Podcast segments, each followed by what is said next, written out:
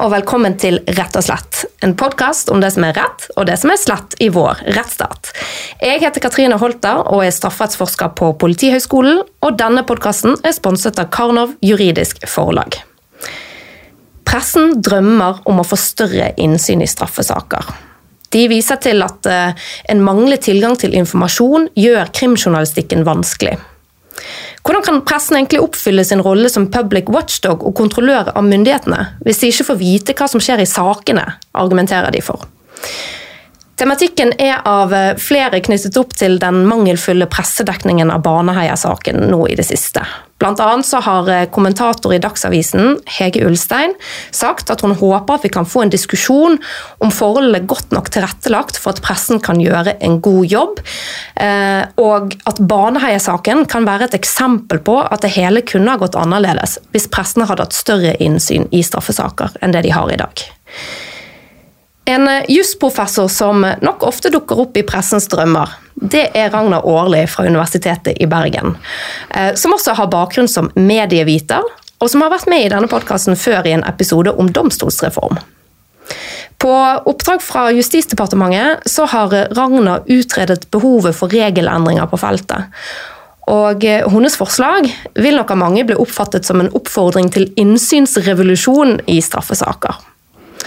Forslaget har eh, nylig vært på høring, og eh, det store spørsmålet nå det er om domstoler, påtalemyndighet og f.eks. Advokatforeningen vil lykkes i å knuse pressens drømmer.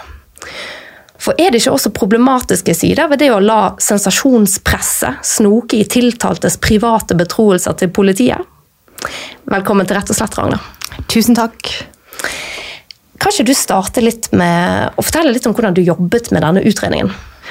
Ja, Det var jo en litt spesiell tid. Det var koronatiden. Så det gjorde at uh, det som jeg hadde planlagt som eh, mange møter med både journalister og med påtalemyndighet og domstoler, endte med å bli uh, digitale møter. Men det var for så vidt lærdom i det også. For det eh, handler jo litt om eh, Hele utredningsarbeidet handler om å tilpasse innsyns, eller reglene om innsyn og offentlighet i strafferettspleien til det som er vår tid. Og ny teknologi er jo absolutt en del av vår tid. Mm. Uh, så, og denne utredningen dette var en sånn, det vi kan kalle en enkvinnes utredning. ikke sant? Så Vanligvis så vil det jo da bli satt ned et offentlig utvalg med representanter fra ulike fag for eksempel, og med ulike interessebakgrunner. Uh, men dette skulle du altså gjøre alene. Hvordan syns du det var å jobbe alene med det? Jeg har aldri arbeidet med et eh, sånn prosjekt eh, helt alene før. Eh, så mm, det var litt spesielt fordi at man da må jobbe mye mer aktivt med å innhente synspunkter fra den ene siden og den andre siden. Og her er typisk en polarisert bilde i hvordan rettsreglene bør være. Der pressen ønsker mer innsyn, mens påtalemyndigheten og domstolene ønsker mindre arbeid, i hvert fall, med å gi innsyn. Og også blant forsvarerne så er det en del motstand, sånn som jeg har eh, tolket det her. Ja da, det er mye motstand egentlig fra juristhold generelt, men det er også positive eh, innstillinger til at man skal ha mer åpenhet. Og vi bør jo kanskje huske på at eh, altså, utgangspunktet etter Grunnloven er at vi har innsyn, vi har rett til dokumentinnsyn i staten og kommunenes dokumenter. Så når vi da ikke ikke har i, eh, i strafferettspleien, så er det egentlig et unntak fra det alminnelige eh, prinsippet om offentlighet eh, i myndighetenes handlinger. Hvorfor skal eh, folk flest eh, bry seg om denne tematikken? For min del så handler det mye om, om at domstolenes rolle i samfunnet. faktisk. Domstolene har monopol på behandling av straffesaker. Og hvis vi skal ha relevante domstoler for vår tid, så tenker jeg at det er viktig at folk har en innsikt og forståelse for hvordan straffesaker blir behandlet. Vi ser at antall sivile saker går ned i domstolene. Sivile saker kan man velge å behandle på en annen måte enn i domstolene. Straffesaker kan man ikke velge å behandle på noen annen måte. Det må behandles i en domstol. Så skal domstolene beholde sin samfunnsrelevans, så tenker jeg at det er viktig at man opplever den saksbehandlingen som både noe som man kan få innsyn i, og noe man kan diskutere offentlig om dette her er en fornuftig måte å behandle folk på. Ja, for det, sånn som det er i dag, så har jo vi utbredt møteoffentlighet ikke sant, i domstoler. Så det betyr jo at eh, hvem som helst av dere som lytter på, dere kan gå til din lokale tingrett og egentlig bare åpne opp døren til en rettssal, gå inn og sette deg ned og høre på det som skjer. Eh, så den muligheten har man jo i dag. Jeg tror kanskje at ikke så mange har benyttet seg av den. Eh, hva er det som blir på en måte som du tenker vil være nytt med ditt forslag? altså sånn, Hvis vi bare tar helt sånn overordnet først. Ja, altså Møteoffentlighetsprinsippet er veldig viktig, og det står jo også nedfelt i Grunnloven. sånn at Der vi har rett til dokumentinnsyn i forvaltningen, så har vi rett til å være til stede under rettsmøter. Men eh, det er en, en, en, regel som vi har hatt siden slutten av 1800-tallet. Og den bærer preg av det. At det at vi har møteoffentlighet er fra en tid der eh, saksbehandling behandlingen Gjennom gjerne måtte være muntlig for å sikre offentlighet. Det var ikke selvsagt at folk kunne lese. Eh, alle dokumenter ble lest høyt, sånn at folk skulle få det med seg. Eh, det var liten mulighet til å spre dokumenter. Det var mye mindre dokumentbevis. Så sakene var på en måte mindre dokumentfokusert. I dag er vi i en helt annen situasjon. Veldig mye av bevismaterialet består av dokumenter. Og folk, både folk flest og journalister kan lese. Så det at man i dag driver og leser opp dokumenter i domstolen uten at noen kan få lov til å få innsyn i disse dokumentene etterpå, til tross for at de jo er offentliggjort, det øh, syns nok ikke harmonerer helt med vår tid. Så du kan si at hoved... Øh, et, et, hovedtrekk ved forst, med mitt forslag er at jeg prøver å gjøre det til et utgangspunkt om at man også har dokumentinnsyn i dokumenter som har vært fremlagt for en offentlig rett. Men jeg beholder alle de reglene som er laget for å beskytte særlig sensitiv informasjon i straffesaker. Der man eh, lukker dørene, eller der man eh, taushetsbelegger informasjon. Eh, der man ilegger referatforbud. For når er det man gjør altså når er det man gjør dette? Lukker dører og beskytter sensitiv informasjon i dag? Du kan si at eh, Når eh, sakene handler om eh, særlig belastende sånn personlig Når det er seksuallovbrudd f.eks., så vil det typisk være at saken går for lukkede dører. Så tillater man gjerne at journalister kan være til stede, men da får de gjerne referatforbud. Ja, Så de får ikke lov å skrive om det som blir sagt? Nei. Mm. Uh, og så er det jo noe med reising og sånn. Altså det der med møteoffentlighet. I praksis så er det jo litt tidkrevende hvis du har lyst til å se en bestemt sak som går på andre siden av landet. Så, for det er jo ikke sånn at disse blir uh, Altså det er jo ikke digitalt videoopptak. Nei, det er det ikke. Nå har man nettopp fått en hjemmel for at eh, domstolene faktisk kan streame rettsmøter. Det, det ble til etter covid. Og det var jo mange ja. journalister som eh, var takknemlige for covid-perioden, fordi at det faktisk ble mulig å følge rettssaker uten å reise eh, inn til den domstolen som rettsmøtet skulle foregå. Men problemet er vel at de fortsatt ikke har utstyr på plass i mange rettssaler, ikke det sånn? Det er riktig. Mm. Og det er et stort problem, og det er et stort eh, ressursproblem. Mm. Ok. Um hva er det vi som borgere har innsyn i i dag, da? Hvis vi kan ta det litt sånn summarisk.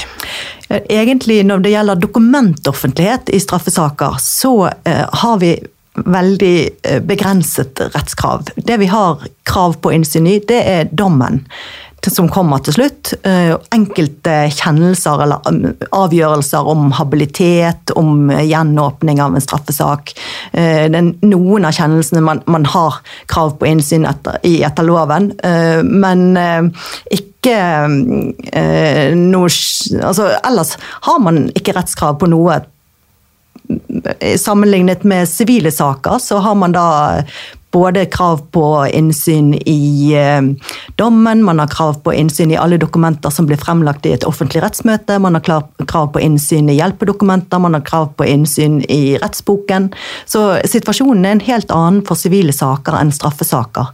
Og jeg syns nok at den eh, store forskjellen i dag er ubegrunnet. Mm. Hvorfor tror du det er sånn? Eh, det handler jo selvfølgelig en del om at eh, der eh, Det er vanskeligere Eller der, der er mer personsensitivt materiale i straffesaker. Men det handler også mye om at vi har ikke klart å få vedta noen ny straffeprosesslov, mens vi har klart å vedta noen ny eh, tvistelov. Den eh, tvisteloven som ble vedtatt i 2005 og trådte i kraft i 2008, den innførte nye regler om dokumentoffentlighet i sivile saker. Ja, og Tvisteloven regulerer da de prosessgangen, altså prosessregler i sivile saker, men straffeprosessloven da er det for det samme for strafferetten. Ja. Så her er det et viktig skille i jussen for de som ikke er jurister. Og Vi hadde jo en utredning om en ny straffeprosesslov som kom i 2016, men den har ennå ikke ført til noen eh, eh, omfattende revisjon av eh, straffeprosessloven. Vi har fått noen justeringer, men foreløpig ikke på området for uh, offentlighet, med unntak av at man da har åpnet for streaming. Eh, Men hvis jeg da som eh, privatperson, da kan vi ta det først, meg i rolle som privatperson, hvis jeg ønsker å lese gjennom politidokumentene i en gammel, kjent justismordsak, saken til Fritz Moen, eksempel. Har jeg noen muligheter for å få tilgang til det? Nei, det kan du ikke. Det har du ikke rett til. håper jeg. Men, men eh, du, kan, eh, du kan henvende deg til eh, politidistriktet som hadde saken, og som har arkivert saksdokumentene, eh, og be om innsyn.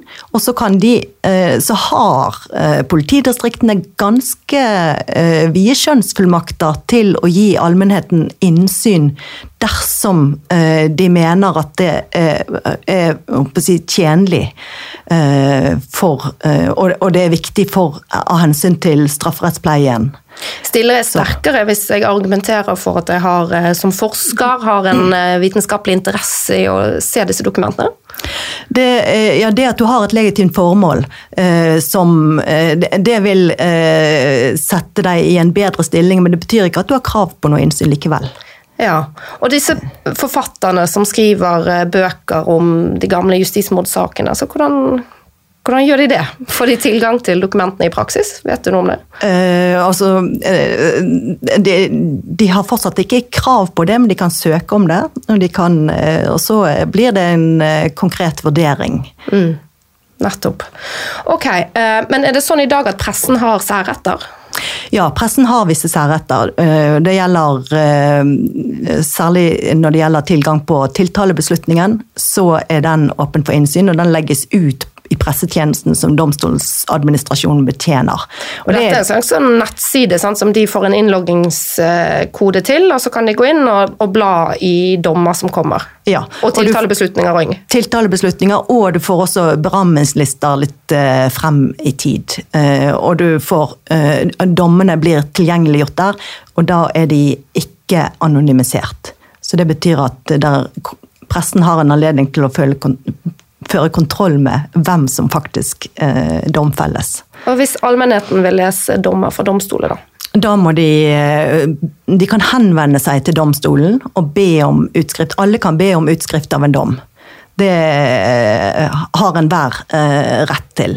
Eh, Så kan du mm, også oppsøke den domstolen du har vært hos. En del dommer blir jo offentliggjort via Lovdata, men det er ikke noe sånn system, fast system på at tingrettene sender dommene sine til Lovdata.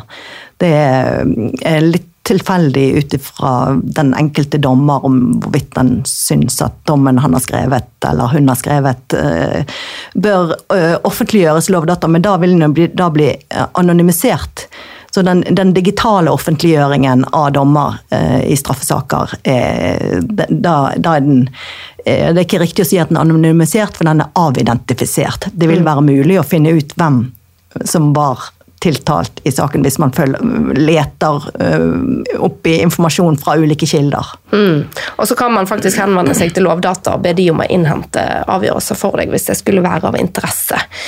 Um, men eh, pressen de viser til at de i dag er prisgitt lekkasjer fra forsvarere og påtalemyndigheten. Eh, likevel så får de jo raskt tak i en del informasjon òg i dag, til tross for at eh, politiet da har De har jo taushetsplikt. Eh, så det finnes jo åpenbart ansatte i politiet som lekker opplysninger, opplysninger til pressen. Hvordan fungerer disse taushetspliktreglene her?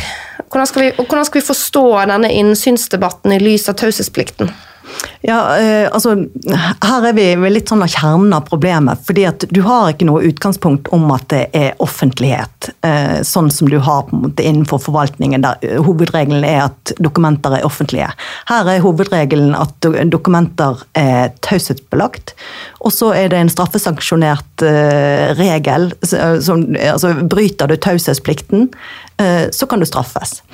Men så har du ganske mange unntaksadganger eh, for politiet, som åpner for at du kan dele informasjon til tross for taus. Du kan på en måte gjøre unntak fra taushetsplikten. Eh, hvis, hvis, du skal bidra til en saklig og nøktern reportasje og omtale i massemedia om straffeforfølging og behandling av straffesaker. Så, så sånn sett Men, men du har på en måte Eh, hvis du lar være å bruke unntaksadgangen, så skjer det ingenting. Ja, for du har jo, du har jo eh, Grete Matlid, f.eks., som fra Oslo politidistrikt ofte står eh, på pressekonferanser og forteller om drapssaker og kommer med en del informasjon til pressen. Sånn, sånn styrt informasjonsdeling. Um, og Det er helt vanlig altså, at politiet holder pressekonferanser og forteller om saker. Så hvordan, hvordan skal man forstå det i lys av taushetsplikt? Her er det også en unntaksadgang. da. Det er en unntaksadgang, og den er viktig for at politiet skal, eh, og påtalemyndigheten skal oppnå både kontakt med allmennheten, sånn at eh, folk kan henvende seg hvis de har opplysninger. Og eh, for at folk skal ha tillit til det systemet, at man, at man liksom ivaretar eh, de ulike interessene i straffeforfølgningen. Så tenker jeg det, det er viktig at politiet har en opplysningsadgang. Men generelt så er jo politiet veldig forsiktig med å bruke opplysningsadgangen. Med mindre man har behov for å innhente informasjon og trenger opplysninger utenfra. Eh, men det er en videre adgang etter loven til det. Men eh, det er nok eh, mitt inntrykk, og særlig også etter at jeg har snakket med en del av aktørene i arbeidet med denne utredningen, er at særlig på grunnplanet så vegrer man seg for å gi ut opplysninger fordi at man er redd for å bryte taushetsplikten og redd for å gjøre noe som kan være straffbart. Mm. Men det er vel ikke så ofte at disse som lekker til pressen, blir tatt for det og faktisk straffet. Liksom, er det sånn at man opererer med et slags unntak i praksis? Um, en slags forståelse for at Der er nok Altså uh, det tror jeg nok eh, politiet kan uttale seg mer om enn, jeg kan. Eh, der, der, er jo en del informasjon som tilflyter pressen, det ser vi jo. Men du kan si at det gjøres ikke åpent etter regelverket. og det hadde vært bedre om man gjorde det åpent etter regelverket, enn at det skjer sånn som i dag. Mm.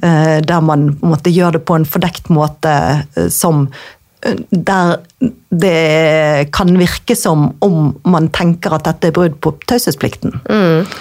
Og så vil jo forsvarere nok eh, dele litt informasjon innimellom med pressen hvis eh, klienten er tjent med det. Hva tenker du om taushetspliktsregler her? Det er egentlig litt interessant, fordi at uh, forsvareren har jo ikke tilsvarende hjemler som uh, politiet har, påtalemyndigheten har til å gjøre unntak fra taushetsplikt.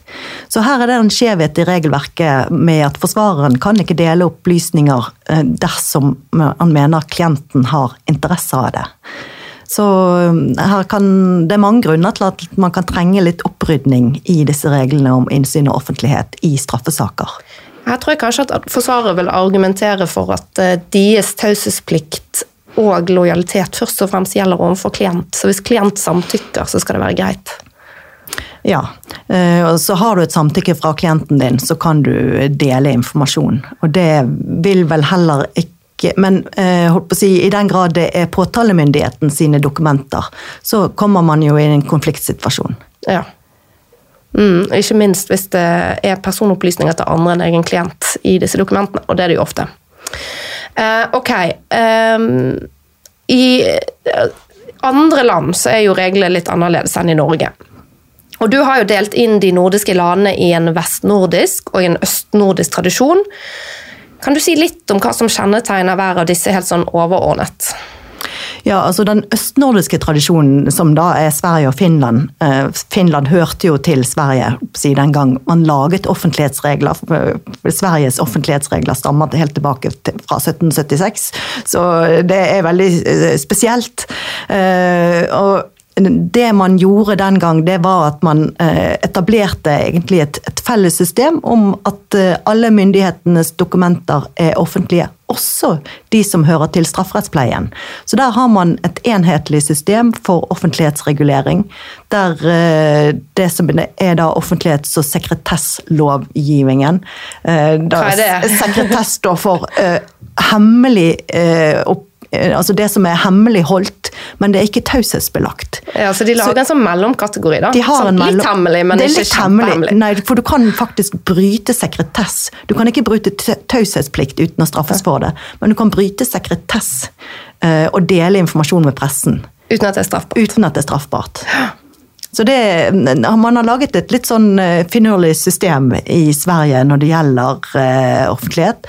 Uh, men offentlighetsprinsippet står ekstremt sterkt i Sverige. Ja, For det er Sverige som går lengst. Ja. Men, uh, og Danmark, de er strengere? Danmark er Hva håper å si De Eh, er litt strengere i forhold til tidsbegrensning på når folk har flest har adgang til innsyn i dommer. Du, må, liksom, du har bare eh, krav på innsyn i dommer som er avsagt eh, siste året. Mens vi har krav på innsyn i dommer som, vært, som er fem år gamle. Så sånn sett er det litt forskjell på Norge og Danmark, og litt bedre stilt i Norge. Men, men, men hvorfor er det sånne tidsbegrensninger? Det handler eh, nok litt om å Altså, det, det er personvernhensyn som gjør at uh, når man liksom deler informasjon, så tenker man at én uh, måte å beskytte personer på, det er å gjøre retten til innsyn tidsbegrenset. Det minner litt om den tankegangen som kanskje ligger bak foreldelsesregler. ikke sant? Altså, jeg kan tenke meg at begrunnelsen da er at, har, eh, at, man liksom skal kunne innrette seg på at hvis ingen har brydd seg om dette her når det har gått fem år, så skal jeg slippe å bekymre meg mer for at noen skal begynne å grafse i denne saken i ettertid. Ja, det, sånn? det, det, det, kan du godt si. Eh, og det er nok eh, litt sånn den tanken som ligger bak at man har satt en sånn tidsmessig grense. Men eh, Danmark har gjort en revisjon av sine innsynsregler som gjør at de faktisk altså de har samme system for sivile saker og straffesaker, og, og, du har adgang til innsyn i hjelpedok... Altså pressen har fått flere særretter enn de har etter norsk rett eh, i Danmark. Altså for eksempel har pressen adgang til eh, innsyn i hjelpedokumenter. De Hva er det for noe? Det er øh, å si, saks, øh, øh, forklaringer som enten aktor eller forsvarer forklarer kan lage for å tegne opp og forklare for i retten. Eh, for å det, gi et klarere bilde av saken, men som egentlig ikke hører til sakens dokumenter. Det kan være bare en skisse over si, hvor, hvor, folk lå, eller på et uh, drapssted, eller uh, sånn tegninger og forklaringer. Uh, tidslinjer. Eh, så den typen dokumenter, eh, det er da eh, Det har man krav på innsyn i i sivile saker, men man har ikke krav på innsyn etter straffesaker. Jeg har foreslått at man skal ha innsyn i den typen dokumenter også i straffesaker, og egentlig litt overrasket over at det er ganske stor motbør i høringsrunden. Både fra domstolene og fra påtalemyndigheten mot at man skal ha rett til innsyn i den dok uh, typen dokumenter. Og man, uh, altså, man, gir uttrykk for at man er veldig redd for at man da vil ha lite informasjon, komme med mindre informasjon uh, i denne typen dokumenter. Hvis pressen skal ha adgang til å få innsyn i dem, og, og hvem som helst skal få ha adgang. Ja, de tenker vel da at det blir litt høyere terskel for å legge frem sånne ting, at man må jobbe mer med det før man bruker det. da. Er det litt sånn? Men du kan si at hvis dette er dokumenter som skal hjelpe dommerne til å forstå saken, er det ikke da et poeng at alle de andre som er til stede og skal oppleve den offentlige uh, retteføringen, også skal forstå saken like godt? Absolutt, det er vanskelig å si mot det, altså. Ja. Uh, men det som kanskje noen tenker på nå, uh, er jo Skal det bli sånn at man liksom kan få, få innsyn i, i, i all slags bilder av, av skader på fornærmede, bilder av drapsofre, sånne ting som er utrolig sensitivt? Det, tenk, altså, det, har jeg ikke lagt opp til med mine forslag til regler. Jeg har eh, bare lagt opp til altså, Det som er den store Det som er innsynsrevolusjonen eh, i mitt forslag, det er at jeg foreslår at de dokumentene som har vært fremlagt offentlig eh, i et rettsmøte, eh, de skal pressen, ikke folk flest, men bare pressen, har uh, mulighet til å se gjennom etterpå. Mm. Og hva er det folk flest skal få? Uh, folk flest de får uh, Altså, de kan be om merinnsyn. Så de kan Hva er det for noe? ja, det, det, er egentlig et godt spørsmål, og jeg ser at det hersker ganske stor for, forvirring om hva merinnsyn eller meroffentlighet egentlig er for et prinsipp. Det er jo et utrolig lite forklarende ord, da, kan man si. Ja, men du kan si at det er et prinsipp som vi har i Norge og Danmark, der vi uh, har lagt uh, til grunn at der hvis, altså for, for, at Når utgangspunktet er at du har offentlighet som et grunnprinsipp, så har vi laget ganske mange unntak fra eh, dette for, av personvernhensyn og forskjellige grunner. så har man unntak. Og så For at ikke man skal overforbruke unntaksreglene, så har man laget en regel om mer offentlighet. Dvs. Si at du, som, som pålegger tjenestemenn en plikt til å vurdere hver gang de står overfor et unntak. Så skal de vurdere er, nødt, altså, er det nødvendig å bruke dette unntaket i denne konkrete situasjonen. Ah, ok. Så, ja. Eh, men på ulovfestet grunnlag altså vi har, Når vi kommer til straffesakene, så kan vi egentlig ikke snakke om Der har vi ingen hovedregel om eh, offentlighet, dokumentoffentlighet. Så da er det egentlig ikke noe virkeområde for en meroffentlighetsregel. For den tar utgangspunkt i at du har, en, du har offentlighet som utgangspunkt, og så har du noen unntak. Og så skal mm. du ikke bruke de unntakene for mye. Ja. Men, uh, Men, vi har vel fått det litt uh, via EMK, altså med, ja, via menneskerettighetene likevel? Hos, altså på straffesaksfeltet så har du fått en slags sånn uh, ulovfestet regel om at du kan gi mer offentlighet enn du har krav på. Ja. Og det har liksom blitt den ulovfestede meroffentlighetsregelen. Altså En ulovfestet er en regel som ikke er nedskrevet i lov, og som ja. er, men likevel har på en måte etablert seg som en bindende praksis. da. Ja. Mm. Men dette, ser jeg at, det, dette har jeg ikke forklart godt nok i utredningen, for jeg ser at det er en del eh, diskusjoner og forvirring om den eh, offentlighetsregelen. Og hva den skal innebære. Hva den skal innebære, ja. ja for hva er det du det. foreslår? At den skal ha denne funksjonen som du forklarte nå i sted? Ja, altså, ja. Eh, og, og, det er også begrunnelsen for at jeg har listet opp rettskrav på innsyn. Eh, for, i, og ganske kasuistisk, da, med, ja. med liksom at du har krav på innsyn sånn og sånn, og sånn, og så har jeg listet opp mange unntak. Ja. Og så kommer meroffentlighetsregelen inn når du skal vurdere om, det er nødvendig å bruke disse unntakene. Mm, ja, jeg så bl.a. Advokatforeningen var litt skeptisk til en, en skjønnsmessig meroffentlighetsregel. Advokatforeningen er skeptisk, Oslo tingrett er positiv, så det, jeg ser der er blandet syn. Eh, og jeg tenker Det handler litt om et verdivalg her. så, som et spørsmål om skal vi, skal vi løfte strafferettspleien inn i tilsvarende tankemønster som vi har ellers for uh, offentlige myndigheter, eller skal vi fortsette å holde de på sitt eget spor? Uh, når man reviderte tvisteloven, så valgte man liksom å gi uh, For de sivile sakene? ja. ja, de sivile sakene. Så ville man ikke lovfeste en merensynsregel. Mm. Eh, da mente man liksom sånn at vi, nå gir vi ganske mange rettigheter, og så får det holde. på en måte da eh, Rettighetene og unntakene er definert i loven. Hvem er det som da, sånn som, sånn som du har tenkt i din utredning, hvem er det som skal på en måte ha ansvaret for å behandle begjæringer om innsyn? For det tenker jeg også, det er vel litt av det som man ser at det strides litt rundt i høringssvarene som har kommet, ikke det? Altså at, hvem er det som skal få arbeidet med å vurdere dette? Ja, du kan si at altså, der, Når det er mye motstand mot utvidelse av innsynsreglene, så handler jo det ofte om at det er en arbeidsbyrde som ligger i det å betjene eh, innsyn. Eh, og de fleste som eh, jobber med straffesaker, oppfatter ikke det å kommunisere til offentligheten gjerne som en del av primæroppdraget. Og da blir det en tilleggsoppgave.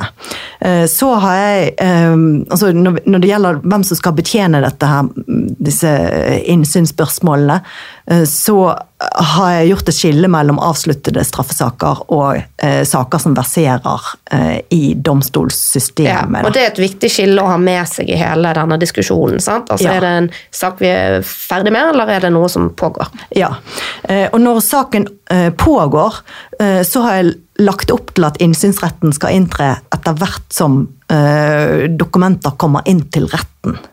Ja, Så eh, skjæringspunktet blir når de når domstolen? Når de når domstolen, og så har jeg lagt da uh, oppgaven med å gi innsyn og vurdere om innsyn skal gis, til domstolen. Ja. Og det, har, det, ser jeg at både påtalemyndigheten og uh, domstolene i de høringsuttalelsene jeg har lest, er uenige i.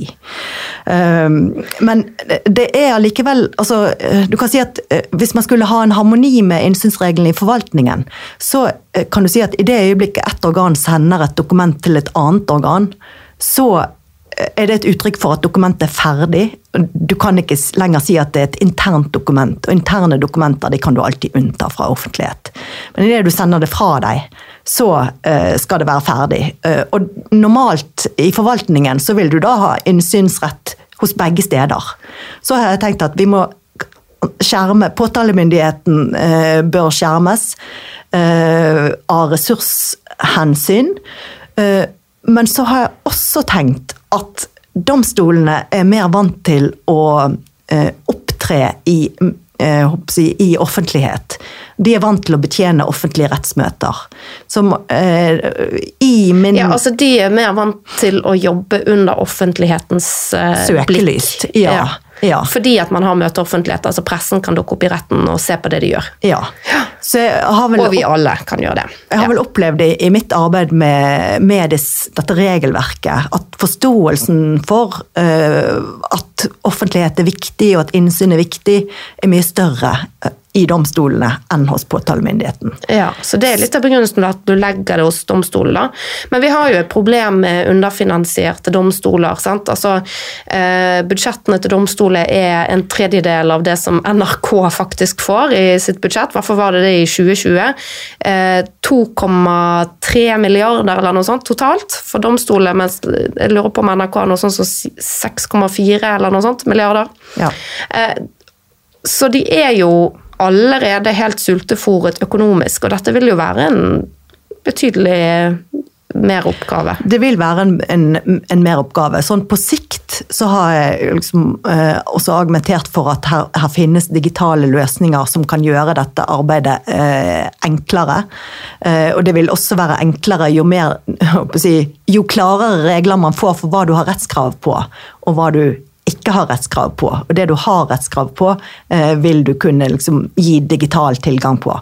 Men det krever en teknologisk oppgradering av domstolene som man ikke har gjort så langt. Og mer ressurser. Og mer ressurser. Det er det behov for fra før av òg, for ja. å si det sånn. Ja. Ok, um, fordi jeg har jo tenkt litt at uh, et alternativ her, det kunne jo vært kanskje, det er ikke så veldig gjennomtenkt dette, altså, men jeg slenger det nå ut, eh, at man kunne opprette et eget organ som hadde representanter for eh, liksom, de redaktørstyrte mediene, for pressen. Representanter fra forsvarere, fra påtalemyndighet. Altså folk som jobber innenfor systemet, og som kan eh, liksom ha med seg de ulike perspektivene som kommer i spill. Og at det er dette organet som behandler innsynsbegjæringer generelt, at det er deres eh, på en måte primæroppgave. Og at det også ligger til dette organet en ganske sånn eh, ganske stor skjønnsmargin til å vurdere vekte de ulike hensene i hver enkelt sak. Da, hvordan de liksom spiller opp mot hverandre. Um, og uh, at det også må være sånn at de som er, blir berørt, altså får sitt personvern utfordret, tiltalte typisk, eller fornærmede, eller uh, vitner som f.eks. er redd for represalier uh, hvis de uttaler seg i saker, uh, at de kan klage på disse avgjørelsene.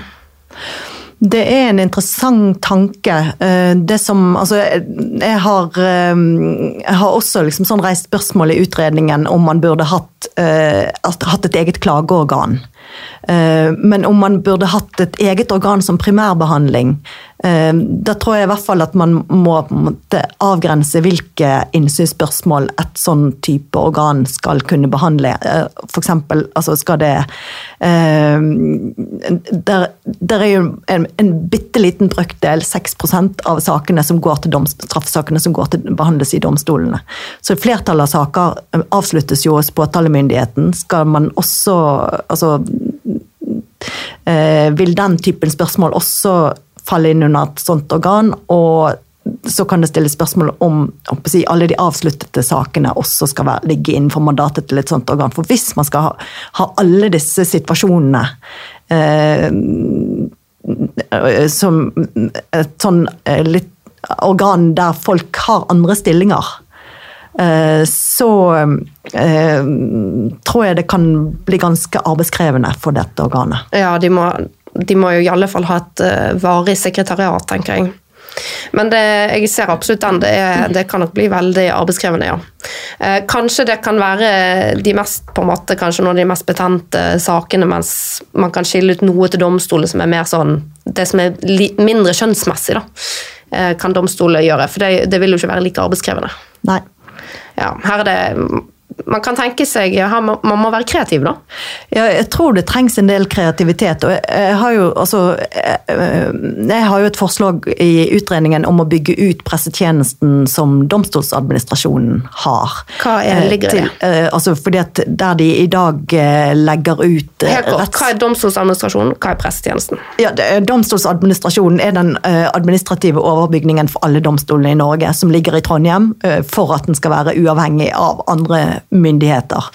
Eh, og den har bl.a. informasjonstjeneste for domstolene innenfor sitt arbeidsmandat. Og eh, blant, altså som, som, en del av det informasjonsarbeidet så har de etablert en, en elektronisk pressetjeneste der eh, du kan få tilgang hvis du eh, tilhører eh, et medium. Du kan også, hvis du er frilanser, hvis du klarer å dokumentere at du jobber for et redaktørstyrt organ. Og dermed forpliktet til å være varsom-plakaten, ikke sant? Ja, ja. Det er et poeng. Så det er et, et grunnkriterium. Ja. Eh, og da vil du få tilgang til det som er pressetjenesten, der du får tilgang til uanonymiserte eh, rettsavgjørelser. Ja, det er denne mappen, pressemappen. Pressemappen, ja. ja. Um, og jeg har jo eh, tenkt at hvis man skal gi tilgang også til eh, dokumenter som har vært eh, offentlige, så vil det også kunne gjøres i en sånn pressetjeneste. Mm. Men eh, hvis eh, domstolsadministrasjonen skal håndtere en øket eh, flere innsynskrav og skal avhengig av hva som skjer med en eh, Altså om, om spørsmålet om en sånn merinnsyn eller meroffentlighetsregel eh, skulle falle i politisk god jord eller ikke, eh, så det, vil det kreve mer ressurser og mye mer ressurser enn det domstolsadministrasjonen har i dag til å, mm. til å betjene denne eh, pressetjenesten. Vi må komme litt mer inn på hensyn for og mot og litt debatten, men før det, kan du bare kort si litt om hvordan det vil være, eller hvordan du har foreslått rundt saker som blir henlagt, og som dermed aldri kommer til domstolen? Ja, eh, altså, for de reiser jo litt spesielle spørsmål. sant? Der har du blitt mistenkt for noe, kanskje uriktig, man kan i alle fall ikke bevise det, så den saken er henlagt. Og skal man da ha en eller annen form for offentlighet rundt det? Altså Flertallet av sakene kommer jo aldri for domstolene. Så, men det, så det jeg har foreslått eh, for at vi skal ha visse muligheter til kontroll med de sakene som blir henlagt, er at man har eh, eh, innsyn i henleggelsesvedtaket, og at pressen kan få eh, innsyn i eh, innstillingen om henleggelse. Altså der de begrunner, der de begrunner. hvorfor dette ble henlagt? Ja. ja. Men jeg foreslår altså ikke noe mer, ikke i de underliggende saksdokumentene. Men skal man da utlevere navn på folk? Eller skal det være anonymt? Eh, Når pressen får innsyn, så må de få innsyn i navn. Ja. Eh, For ellers så gir det ikke noe mer, ellers fører du ikke en kontroll. Ja. Det er liksom, altså Skal vi vite at ikke eh, en kjent person behandles på noen annen måte enn du og meg, så må vi eh, godta at noen får innsyn i navn. Men det er også en av grunnene til at jeg argumenterer for at vi skal videreføre særretter for pressen. Og det ser jeg Altså Det er faktisk eh, flertallet i høringsuttalelsen enig i. Og Det var noe man ikke gjorde i tvisteloven, altså den eh, reguleringen for sivile saker. Så eh, laget man regler om dokumentinnsyn som skulle gjelde for enhver. Og ikke noen spesielle særretter for pressen. Og det har vært noe av argumentasjonen med sosiale medier, at du ikke skal liksom eh, Hvorfor skal pressen ha noen særretter? Eh, når folk flest kan også eh, kommunisere og eh, utføre samfunnsoppdraget som journalister gjør. Mm. Og bare et kort spørsmål, bare sånn, for jeg har forstått deg sånn nå at det er aldri snakk om at man press, verken pressen eller andre skal få innsyn i politidokumentene med mindre de har vært lagt fram i retten, stemmer det? Det er riktig. Så heller ikke henlagte saker så vil de kunne få politidokumentene ut. Med mindre de eh, si, kan få det på en sånn merinnsynsbegjæring. Aha, så det er en åpning for det er en åpning for en merinnsynsbegjæring, ja. Ja. Men jeg, jeg har ikke lagt opp til at det er noe krav på Ja. innsyn i Så det er ikke sånn at de dokumenter. tiltalte skal nå, nå må frykte at det vi sier i veldig stor fortrolighet til politiet, det vil stå på forsiden av VG i morgen? Nei. Nei, Det- nettopp. Ok, ehm, Hva er etter ditt syn de viktigste grunnene for å gi større innsyn? Altså, eh, reglene som vi har i dag, de mener jeg er både teknologisk og innholdsmessig utdaterte. Eh, Og det handler litt om at eh, vi, vi har beveget oss over i en annen kommunikasjonstid, informasjonstiden, der vi eh, i stor grad kommuniserer gjennom eh, dokumenter. Eh, verken folk flest eller journalister er analfabeter som ikke kan lese. Så da gir det ikke mening at man skal måtte lytte seg til innsyn i saker som går for domstolene, men som man på alle andre samfunnsområder kan be om innsyn i dokumentene som blir presentert offentlig. Um, så det er vel egentlig et, et hoved, min, min hovedinnvending mot det regelverket vi har i dag. Og så er det jo kontrollbehovet, ikke sant? Ja. ja. Og da vil du utdype litt rundt det, hva som Altså det, er handler, tanken der. det handler jo om at eh, altså noen må altså For å kunne føre kontroll med hva som har vært sagt, eh, så eh, gir det å få tilgang til dokumentene i saken en helt annen mulighet til, til å eh, systematisk gå gjennom hva var det faktisk som ble brukt som argumentasjon for denne domfellelsen. Så, øh, og jeg har liksom snakket med mange journalister som er fortvilte fordi at de sitter og skriver som gale under rettsmøter som er offentlige. Der de vet at de, de må bare prøve å skrive ned ord for ord det som blir sagt, for at de skal liksom kunne referere dette og gjengi dette eh, offentlig. Mm. Og det, pressen de ønsker seg jo Mitt inntrykk er at de ønsker seg jo enda mer eh, innsyn enn en det som du har foreslått. Sant? Altså, de vil jo også ha innsyn i politidokumenter. Eh, og jeg kan jo litt, eh, ta litt rollen som djevelens advokat her. eh, Fordi pressen påberoper seg dette her med at de skal være public watchdog. Og jeg tror på det. Jeg tror at de har gode intensjoner her. Men jeg tror også samtidig at det er naivt å tenke at ikke pressen også har en kommersiell interesse i den type innsyn. For å sette det litt på spissen, har pressen vist seg tilliten verdig? Sant? Fordi de gjør gode vurderinger rundt identifikasjon, i alle fall i de store mediehusene, syns jeg. Eh, Men om vi da ser bort ifra true crime-bøker og true crime-TV-serier, og sånn f.eks. bøkene til Bjørn, Bjørn Olav Jahr, eh, så syns jeg ikke at pressen er sånn spesielt interessert i rettssystemet som sådan. Um, og den rapporterende krimjournalistikken den kan jo anklages for å være litt preget av sensasjonelle overskrifter og den slags, og der den blir veldig preget av myndighetenes fortelling av saken. Og så kan jo hende at innsyn er det som skal til for å gjøre noe med det, men det er jo nettopp det. Er det innsyn? Er, vil det snu rundt på den kulturen? Jeg synes um, Ikke alltid at det er så innrettet mot tiltaltes rettssikkerhet, kanskje.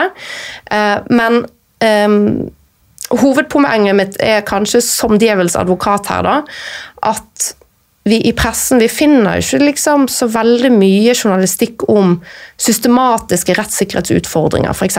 i systemet vårt. Hvor er f.eks. Ja, hvor er f.eks. den kritiske undersøkende journalistikken om fraværet av rettshjelp? At det er nesten ingen som har råd til å gå til domstolen lenger. Sultefòringen av domstoler, som jeg var inne på i sted. Innskrenkningen i ankeretten. Altså det er veldig mange i dag som ikke får behandlet sakene sine i to runder. Hvor er den kritisk undersøkende journalistikken rundt gjenopptakelseskommisjonen? Rundt fylkesnemndene, fungerer de etter hensikten? Rundt Høyesterett, funker generalistmodellen i, i, et stadig mer rettsliggjort samfunn? Hva med advokatbransjen? Altså På Aker Brygge så har du nå advokater som kan ta 6000-7000 kroner timen pluss 25% moms. Noe som nettopp bidra til å skyve vanlige folk ut av domstolene. Det finnes jo unntak, du har Rett 24 f.eks., men det dominerer jo ikke den kritiske public watchdog-pressen. dominerer jo ikke akkurat på rettsstatsfeltet, da. Um, de vil jo gjerne heller skrive om drap og voldtekt og terror, altså saker som er preget av sensasjon. De vil belyse personlige tragedier fordi det selger. Det gir klikk. Eh, så, og jeg tenker at behovet for en public watchdog som er Dette er både grunnen til at jeg er for eh, altså Det er både for og imot, egentlig. fordi at behovet for public watchdog det er så presserende. Eh, fordi rettsstaten vår den er den er økonomisk sultefòret fordi at det er for lite politisk interesse for justispolitikk som noe mer enn bare beredskap og politi. Eh, og rettsstaten er jo tross alt en grunnpilar i demokratiet vårt, så det er jo ganske alvorlig at den er såpass økonomisk eh, Altså at det bare får smuler, da. Og hvor er pressen her? sant? Eh, det er ikke innsyn som står i veien for å drive undersøkende journalistikk på rettssystemet. Eh, og det er heller ikke innsyn som sto i veien i Baneheia-saken, spør du meg. Altså, Bjørn Olav Jahr hadde jo fullt dokumentinnsyn. Men pressen skrev jo likevel ikke om funnet i hans bøker. Det var ingen som sto i kø for å gå gjennom disse dokumentene. Men de dokumentene var jo i omløp.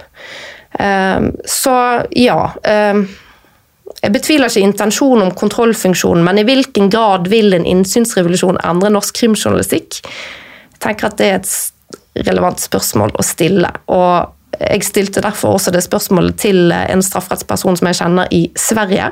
Er det sånn at krimjournalistikken hos dere er mer opptatt av myndighetskontroll og tiltattes rettssikkerhet med de store innsynsmulighetene som finnes der, eller har den òg et visst sensasjonspreg og et litt, så, litt sånn ensidig fornærmende perspektiv som vi delvis ser i den norske krimjournalistikken? Det var det siste, mente han, da man kan nok eh, være kritisk til måten eh, pressen oppfyller sitt eh, samfunnsoppdrag på, men jeg har likevel tro på at makt må kontrolleres av makt, og at strafferettssystemet handler om maktøvelse i eh, ekstrem forstand. Eh, så, og det er på en måte bare det sivile samfunnet vi kan stole på eh, som en eh, kontrollfunksjon. Um, så uh, har jeg løftet ut pressen som, en, som et organ som kan få særretter, begrunnet i at de tross alt har et, et forpliktet seg til et etisk system. I utredningen stiller jeg spørsmål ved om dette etiske kontrollsystemet er godt nok. Jeg syns jo f.eks. at det journalistiske miljøet, eller presseorganene, er lite selvkritiske i forhold til å ekskludere medlemmer fra, både fra redaktørforening og journalistforening. Eh, så, så, eh, her er noen Men likevel så har jeg landet på at det er det beste systemet vi har, og eh, det farligste vi har, eller som, kan, som kan skje, er på en måte at strafferettssystemet blir et system for juristene. Og har, det, det, er på en måte de, de, største overgrepene tror jeg ikke begås av pressen, men av makt Eh, personer som har formell makt. Altså, Jeg er utrolig enig med deg i det, og jeg er veldig sånn i tvil om hvor jeg står her. altså. Så Nå tok jeg alle motargumentene. Men jeg synes jo da, altså, hvis jeg kan legge til at det som jeg kanskje frykter mest med innsynsrevolusjon, og kanskje særlig en som går lenger enn det du har foreslått, det er jo at det skal bidra til en offentlig gapestokkultur. Eh, spesielt i kombinasjon med sosiale mediers fremvekst. Har du tenkt litt rundt det? Eh, dette med de sosiale mediene er en stor utfordring. og Derfor har jeg jo også foreslått en del sånn innstramminger eh, og klargjøringer av på en måte hva som skal være tillatt digitalt. Bl.a. Eh, en, en plikt til å avidentifisere alt som legges ut på åpne sider. Og har også foreslått en, en regel om at det skal være adgang til å, eller hjemmel for å forby sanntidsreferat fra domstolene. Altså at man refererer mens Mens saken pågår. Uh, og det handler jo litt om, om, om å beskytte uh, fremdriften i saken. Og hindre at det blir en diskusjon på sosiale medier som kan påvirke vitneavhør. Mm. Ja, og da er det det siste. Jeg så Advokatforeningen hadde vært i høringsrunden at Og nå er vi litt på overtid her, så vi må ta det veldig kjapt. Men Advokatforeningen hadde jo da vært kritiske til at Eh, at du ikke hadde lagt nok vekt på hensynet til materielt riktig resultat. Altså at skal, strafferetten skal være innrettet på en sånn måte at den virker mest mulig sannhetsfremmende. Da. Uh, og det jeg tenker de har kanskje da tenkt på, da, er vel at at, kan, at, det kan bli vanskelig for folk å snakke med politiet om de ikke er trygge på at det de sier, kan liksom eh, kan havne i, i, i pressen, da. Men det virker jo som at den innvendingen forstår jeg egentlig ikke helt. Nei. fordi at Jeg har ikke lagt opp til at noe skal være offentlig før det blir offentlig i eh, Nettopp, så det er egentlig ikke noe mer enn det. Nei. Bortsett fra på henleggelsene, da. Så jeg tror, altså, eh, En utfordring med utredningen min er nok at den er litt stor. Ja. så det tar tid å lese gjennom, og det tar også tid til å sette seg inn i detaljene. og Jeg er usikker på om alle som har kommet med høringsuttalelser, egentlig har gjort det. Og så skal det også sies at det har kommet noen veldig gode høringsuttalelser, både fra, særlig fra Oslo tingrett og fra Borgarting lagmannsrett, som påpeker en, en noen uklarheter og inkonsistenser som, mm. Eh, som viser hvor viktig det er at flere øyne enn mine ser på eh, regelverk. Jeg tenker at Måten det kanskje kan ha noe å si, det er jo det at sånn som det er i dag, så må jo da pressen sette av journalister til å sitte i retten og følge med. ikke sant? Og Det betyr jo at i aller aller fleste straffesaker så dukker det jo aldri opp noen som helst som kommer for å se på saken. Eh, ofte til tiltalt, altså tiltalte, og nå snakker jeg litt som tidligere forsvarer. altså det å kjenne på den eh, vanvittige angsten som de sitter med for at det skal dukke opp noen fra pressen i salen, og den lettelsen som de kjenner på når det ikke kommer noen. Mm. Og hvis du da både digitaliserer rettsmøtene, og i tillegg kan man enkelt få tilgang til dokumentene, så betyr det jo at du vil få antagelig en mer tilstedeværende presse i flere saker. Til tiltaltes ofte eh, ja.